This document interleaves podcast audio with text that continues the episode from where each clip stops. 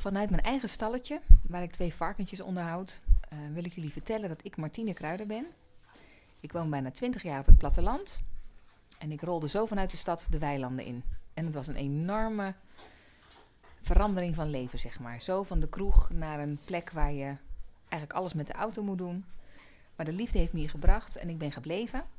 En eh, nog steeds als ik aan nieuwe mensen vertel dat ik op de boerderij woon, zijn ze nieuwsgierig. Van, wat doe je dan allemaal op dat platteland? Dus het leek me goed om daar een podcast over te gaan maken. En die heet Op onze boerderij. En in elke aflevering ontdek je een nieuw stukje van het platteland en van onze boerderij. In de eerste aflevering maak je kennis met Arjen Verschuren. Dat is mijn man en de bioboer. En die heb ik ontmoet al ver voordat Boer een televisiehit werd. Dus daar ben ik wel blij om. Want als hij nu brieven zou gaan schrijven, dan eh, weet ik natuurlijk niet of hij mij had uitgekozen. Ik wens je heel veel plezier bij het luisteren naar de eerste aflevering van deze podcast op onze boerderij. We laten eerst de koeien op ons inwerken. Op jou. Zo vaak kom ik hier niet. Zeg je dat erbij? Ja. Je moet zeggen dat je elke dag zit, dat je hier zo van geniet en zo. Als ik ze zie, vind ik het altijd wel mooi. Maar ik kan me er niet toe zetten om elke dag eh, bij de koeien te zitten. Nee, oh jongen, als je in een stalletje Herford zat, dan lag je er middenin, denk ik. Ja. Dat je normaal zo relaxed. Altijd rustig. Volgens mij kwam ik eh, twintig jaar geleden hier voor het eerst. Meer zeker. Nee, ik denk echt twintig jaar. Dan kon je de weg niet vinden. Nee. Ik was gelijk de weg kwijt. En in Flevoland kan je eerder verdwalen dan eh, dat je op het goede adres aankomt. Het blokje om is zo groot, hè, dus dan denk je dat, je, dat niet klopt. Maar was jij toen dezelfde boer als nu? Ja, eh, ja en nee. Nog net zo, eh, nou jong niet, wou ik zeggen. ik wou zeggen net, zo jong en onbezonnen. Nou ja, jong ben ik niet meer, maar onbezonnen misschien wel. Ho hoezo? Nou, altijd eh, op zoek naar eh, nieuwe, nieuwe dingen. Ik ben niet een boer, zeg maar. ik boer zoals, de, zoals het. of de bedoeling is, dat weet ik niet of dat een goede tekst is. Zoals de rest. Dus zoals iedereen het doet. Ik Want hoe doet iedereen het dan? Ah, gewoon koeien melken. Dat is de basis. En eh, goed voor je dieren zorgen. En fokkerij en dat soort dingen. Ja, ik, eh, ik hou veel meer van ehm, eh, dingen mixen. Verschillende dingen door elkaar doen en daar eh 1 en 1 en 3 uithalen. Dat is mijn doel altijd. Want toen ik hier zoveel jaar geleden voor het eerst kwam, hadden we melkkoeien. En voor het eerst een robot. Dat was ook al heel vooruitstrevend in die tijd. Zeker. Waarom koos jullie voor die robot? Ik wou geen boer worden. Dus eh, mijn vader die dacht, ik heb geen opvolger. Ik moet zorgen dat, eh, dat ik eh, fysiek makkelijker op het eind kom. Dus toen was een robot een, of je gaat naar een medewerker, maar een medewerker is er nog steeds niet de hele week. En, en kan na een paar jaar kan de situatie anders zijn waardoor de medewerker opstapt. En, en dan als je op het gebied van automatisering en en machines mogelijkheden ziet om je werk makkelijker te maken, ja, dan zijn dat wel reële opties in zo'n situatie. Maar je wilde geen boer worden en eh, bijna 25 jaar later zitten we toch hier in de stal met jouw koeien. Jouw biologische koeien. Ja. Kan gek Ja. lopen, hè? Daar is er al twintig jaar voor nodig geweest. Hm? Nee, ehm, ja, je bent wel opgegroeid op een boerderij, dus je weet eigenlijk best wel goed wat er allemaal speelt. En ik zat in de periferie van de landbouw, dus dan zie je de boerderij van de andere kant en dan leer je het nog meer waarderen. En ja, het, eh, het niet op de loonlijst willen staan eh, was een grote drijfveer om eh, je eigen pad te kiezen. En dat kan ook met een boerderij, in mijn geval. En wat is er nu anders dan toen? Ik denk uiteindelijk helemaal niet zoveel. Alleen je gaat met je tijd mee. En, en het bedrijf past zich steeds meer aan aan, de, aan degene die aan, het- aan het stuur staat. Dus eh, waar mijn belangstelling naar uitgaat, daar eh, zie je de boerderij dan ook naar eh, toe verschuiven. Dus dat was in mijn geval. ik had een. ik, eerst ga je een tijd in maatschap. Dus dan doe je het samen met je vader in dit geval. Ja, en dan is hij een tijd in lead. Dan ben je een tijdje samen de baas. En dan is de bedoeling dat. dat in de vorm van overdracht dat je zelf middenleiding gaat nemen. En mijn hang naar bio was altijd wel, wel groter dan bij mijn vader. Alleen ja, dat is niet zo van de een op de andere dag gedaan. Dus dan moeten daar heel veel factoren moeten daar klaar voor zijn. Dus daar groei je dan een beetje naartoe. Nou, na Maar leg dat eens uit voor iemand die dat niet snapt. Factoren die klaar zijn. Nou, kijk, ik kan wel roepen, ik wil bio. Maar ja, je land moet eerst twee jaar omschakelen voordat je überhaupt uh, koeien biologisch mag omschakelen. Dus dan, uh, want je moet eerst helemaal volledig biologisch voer hebben. Nou, dan moet er eerst nog wat uit het verleden opgeruimd zijn in, uh, aan mineralen en dat soort dingen. Voordat je daar binnen de regels past. En ehm, ja, wij werken samen met, een, met ook een gangbare akkerbouwer, geen biologische akkerbouwer. Nou, dus dan ga je, je hele netwerk gaat over de kop. Hè, want qua advies en qua voerleverancieren melkfabriek, uh, iedereen moet mee willen in de, in de keuze naar bio. dus de melkfabriek moet jouw melk wel willen hebben, want anders dan kun je wel bio willen worden. Ja, als je jouw melk niet wil hebben, dan houdt het natuurlijk op. Daar begint het al.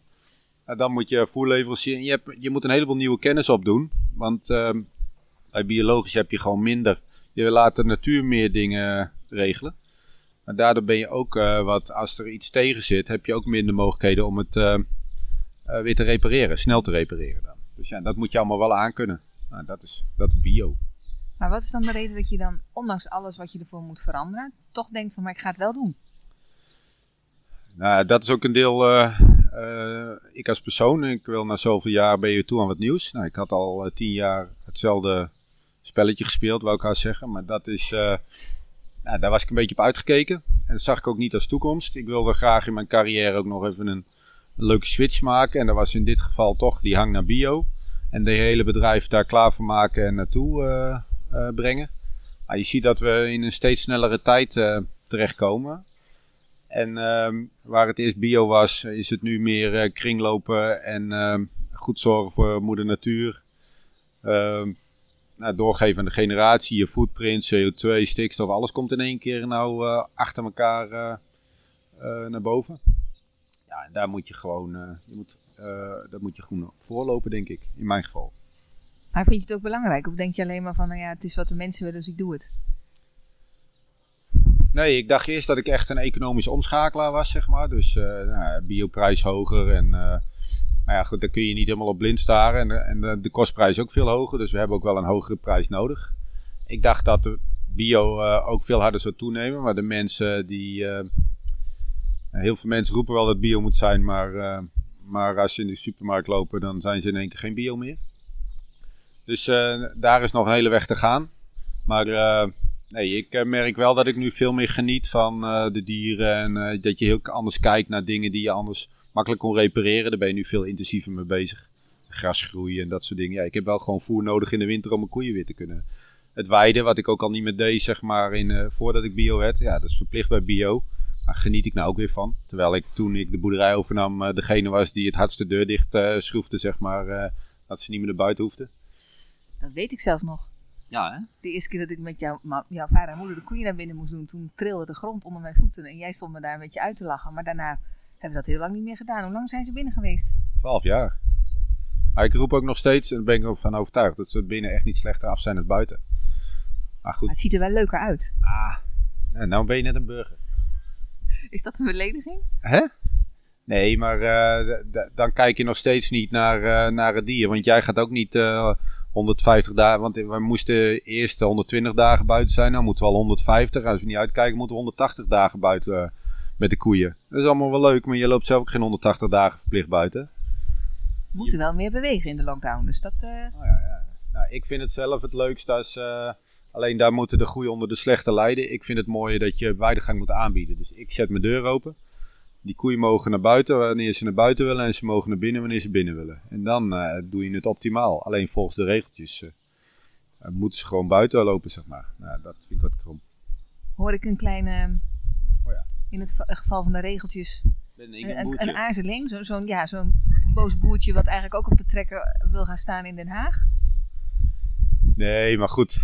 Uh, soms denk ik, word ik nou ouder, dat ik over regeltjes wat meer begin te zeuren en zo. Maar uh, nou ja, daarin blijft, en dat zal wel komen doordat uh, er ook een heleboel zijn die de grens opzoeken. Maar ik ben helemaal niet bang voor regeltjes, want ik val er altijd binnen. Maar het is jammer dat het allemaal zo, die regeltjes allemaal zo bedacht moeten zijn. En dat, ze dat, dat ik me afvraag of dat echt allemaal wel vanuit het dier bedacht is, zeg maar. En of dat, dat vooral marketing is en mensen die er beter van worden. En nou, ik niet.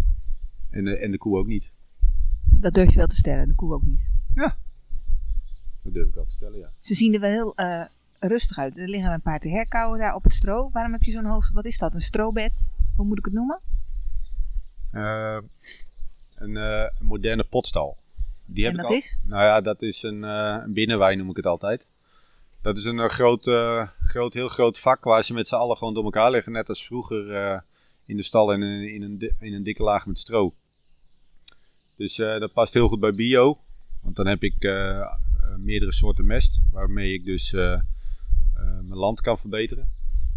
En ehm, eh, ze liggen, liggen heel vrij. Dus ze voelen zich niet opgesloten in, tussen een paar buisjes of zoiets. Weet je wel. Maar ik heb niet alleen een potstal. Hoor. Ik heb ook lichtbedden met water, eh, watermatrassen, waterbedden eronder. Ja, ze hebben waterbedden. Jij en ik niet. Nee, wil je een waterbed? Vanavond lig ik in de stal. Nee, maar goed, eh, het gaat erom dat eh, je, als je heel goed voor je dieren bent, of goed voor je dieren bent, is al genoeg. En je zorgt dat ze in alle gemakken voorzien zijn, dan, ja, dan krijg je dat terug door, eh, doordat ze goed voor jou zorgen in de vorm van melk. Zo zie ik dat. Dus mijn Dus- vak is alleen maar dieren verzorgen. Dieren verzorgen, ja. En dat is wel altijd. Daar moest deze stadse vrouw ook een beetje aan wennen. Want hoe, hoe is dat? Om eh, altijd gewoon 24-7. Want je hoort mensen vaak zeggen: fijn weekend. Maar dan eh, denk ik wel eens bij mezelf: en wanneer is dat weekend van jou nou aan de gang? Ja, precies. Nou, dat is nou net het onderdeel wat ik het minst leuk vind aan, eh, aan boer zijn. Hè? Niet, en als je dan, ja, het klinkt een beetje gek, maar als ik dan alleen zou zijn, dan gaat alles op aan het werk. Maar eh, ja, je hebt ook een gezin, die wil ook op vakantie. Die willen ook eens een keer een dagje uit. En, eh, dat moet je altijd regelen. Want ik bedoel, eh, er lopen hier levende dieren. En die eh, kun je niet zeggen van eh, tot volgende week. Of ik, eh, ik heb nu een weekend vrijgenomen. Zoek het maar uit. Ook niet met een melkrobot. Heb jij daar een manier voor gevonden? Ik had wel, toen ik de boerderij overnam, dacht ik van, nou moet ik wel zorgen dat eh, we dit eigenlijk met meer mensen gaan doen. Zodat niet eh, alles op mij aankomt, maar dat je dan ook de werkzaamheden kunt eh, verdelen met elkaar. En nu, eh, nu kan ik wel een keer een weekend vrij houden of, of die jongens nemen vrij, dan doe ik het, weet je. Dus doordat we het ons te beurten doen, eh, hebben we het allemaal leuker, ook als je hier werkt. Arjen, ik zie ook mensen rondlopen op de boerderij. Daar ga ik in een andere aflevering wat verder op inzoomen. Maar het betekent wel dat je dit bedrijf niet alleen doet. Nee, nee. Daar is het te groot voor. En dan, ehm, ja, dan heb je personeel. Hè? Dus jongens die eh, hetzelfde kunnen als wat jij kan. En die eh, werken dan bij jou eh, me- en die helpen mij mee eh, dieren verzorgen. Zit je wel zo een beetje zo op een hekje naar je koetjes te kijken? Ik hou wel van dromen en plannen maken. En dat kun je het beste door ergens op te gaan leunen en een beetje rond te kijken. En dan slaat mijn fantasie wel aardig op hot, ja. Wanneer was dat voor het laatst? Gisteren. Wa- Wat had je bedacht? Toen was, dat was ook voor je andere podcast. Toen was ik op de andere boerderij eh, een nieuwe erfindeling aan het maken. Daar gaan we het later over hebben, over eh, je andere werkzaamheden. Want het, het blijft bij deze boer niet bij één boerderij.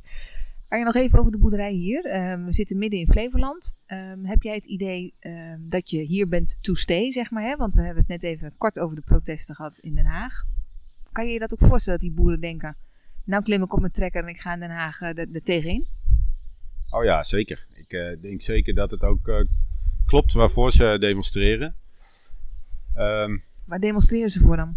nou, eh, het stikstofbeleid in dit geval. Maar ehm, ja, we hadden vorig jaar nog fosfaat. En eh, nadat dat melkquotum eraf is gegaan, eh, volgt het een het ander eh, in rap tempo op. En een- er is niks flexibeler dan een boer, zeg ik altijd. Alleen we krijgen geen tijd meer om eh, de verandering eh, eh, aan te kunnen. Hè, dus ik had het met fosfaat prima voor elkaar. En dan een jaar later hebben we al stikstof en verdwijnt fosfaat helemaal naar de achtergrond en doet het er niet meer toe. En denk, ja, dan, daar kan ik niet op daar kan ik geen investering op doen, daar kan ik helemaal niks op aanpassen om binnen de lijntjes te blijven. En dan ben ik zelf dus niet, in, heb ik zelf niet de leiding over, over mijn bedrijf, omdat je eh, regels opgelegd krijgt. Het is maar de vraag of je daar binnen past of niet. Snap je hoe ik dat bedoel? Ja, ik snap hoe je bedoelt. Maar en hoe zou je het nou uitleggen aan bijvoorbeeld degene die voor de vierde keer te laat komt... omdat de boeren daar in een file naar Den Haag stonden? Hoe, hoe kan je nou uitleggen waarom, we dat, waarom de boeren het toch doen? Nou ja, je moet ervan uitgaan, uh, als, uh, als een boer echt om al, elk wisselwasje liep te zeuren, dan stonden we elk jaar wel in Den Haag. En daar zijn we jaren niet geweest. Dus uh, als we zo massaal, zelfs uh, akkerbouw en veehouderij door elkaar heen, als we met z'n allen naar Den Haag gaan, dat is niet voor de sensatie hoor. Dat doen we echt niet omdat we het, omdat we het leuk vinden de hele dag van huis te gaan en met de trekker en ik weet niet hoe laat weer thuis te komen. daar moet je echt wel serieus wat voor organiseren. Dat heb ik net uitgelegd, dat ik niet zomaar de, van de boerderij af kan. Maar ehm, dan is er wel wat aan de hand. Ja, en dat er dan, uh, we hebben vooraf zijn er genoeg gesprekken geweest om dat uh, keertje wachten voor een trekker te voorkomen. En als dat niet is, ja, dan, dan moet je grijpen naar middelen die wel indruk maken. En dat is in dit geval dan met treks de weg op. Denk je dat de burgers de boeren nog begrijpen? ik, denk het, ik denk dat ze het heel goed begrijpen. Um, ja, dus, dat is wel een interessante vraag eigenlijk. Ik denk dat de meesten heus wel weten wat er speelt op een boerderij. En ik moet ook zeggen dat de meeste mensen die ik spreek ook gewoon heus wel begrijpen dat een boer het niet altijd even makkelijk heeft. En uh, ook voor uh, niet een heel hoog salaris elke dag in de weer is. Dus die begrijpen ook wel dat je als een keer de maat vol is, dat er dan met meer spierballen aandacht getrokken wordt. Ja, en de mensen die je niet begrijpen, weet je, dan. Het heeft ook geen zin om uh, overal je gelijk te halen. Dat, dat past sowieso niet in deze maatschappij. Je hebt altijd voor- en tegenstanders. Dus, Wat doe jij om jezelf zichtbaar te maken aan de mensen die jouw producten kopen? Want wij leveren biologische melk. Wat doe jij nou om te zorgen dat de burger ook weet. Nou, ik weet wat ik eet als ik melk van verschuren heb. Ben je een transparante boer? Ja, ik, joh, ze mogen mij alles vragen. Ik, ik loop graag mijn verhaal te vertellen. Ze mogen komen kijken. Ik probeer in, de, in de nieuwe wereld met sociale media, doe jij dan natuurlijk, maar om naar buiten te treden met wat je allemaal doet. En hier en daar proberen we dus verbreding op te zoeken dat we ook één op één contact hebben. Want dat is in de melk door de jaren heen wel een beetje moeilijker. En we hebben zo'n grote plas melk en die is niet na drie dagen bedorven. Dus die kun je ook niet helemaal zelf verzuivelen. En dat, dat, hè, dat roept men niet, wel heel makkelijk als, uh, als, als model, maar zo eenvoudig is dat niet. Er komt ook heel veel werk bij kijken en investeringen. Maar uh, ja, we zoeken wel zoveel mogelijk verbindingen. Open dagen bijvoorbeeld. Hè, de dieren voor het eerst naar buiten. Ja, dat vind ik allemaal wel super evenementen om uh, of, klasjes hier voor schoolrondleidingen. Uh, bel me maar, ik, ik, ben overal voor in. Nou, dat zal, ik ga je nummer niet bekendmaken, want voor je het weet dan uh, zit je elke dag rondleidingen te organiseren. Ik moet zeggen, ik word wel uh, gekalmeerd door al die hoofden die nu door het voerhek ons aanstaan te staren. Ja, zullen we er maar een cameraatje neerzetten? Dan kunnen mensen zelf zien hoe relaxed het hier is. Ja, want als mensen alvast iets meer willen weten over jou als veelzijdige boer, dan heb je een aantal kanalen, zei je net al, waar je op terecht kunt. Want dit is een, ja, deze podcast is eigenlijk een kennismaking met jou als boer. Waar kunnen mensen je vinden? Nou, uh, ik zou zeggen, ga vooral op alles wat met Ik Ben Boer te maken heeft, uh, eens kijken op Facebook of, uh, of op Insta of, uh, of gewoon naar de website. En dan weet je wat we doen. En als we dan een uitstapje, als we met een uitstapje bezig zijn naar iets nieuws, dan staat het daar ook op.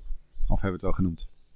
Zullen we volgende keer dan naar de andere boerderij? Want kun je wel heel kort vast even, want dan gaan de mensen volgende keer weer luisteren iets kort vertellen over, dit is dan je melkveebedrijf waar we nu zitten, hè? Op de, eigenlijk op de rand van de stal, van de melkveestal. En wa waar gaan we volgende keer dan naartoe?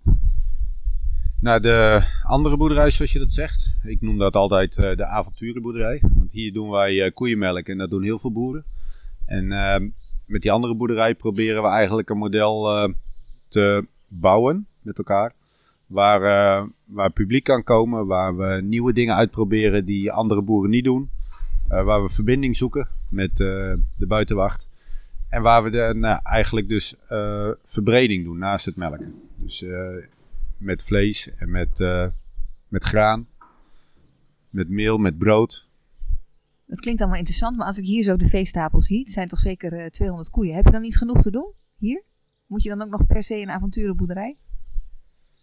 Ja, dat is dus net dat, dat stukje toekomst waar ik mee bezig ben. Nou, ik denk dat uh, wij het, het uh, want de boer heeft het altijd over hoeveel koeien melk je wel niet. En ik denk dat wij de het moment dat we het grootst waren al gehad hebben en dat we nu eigenlijk op de terugweg zijn.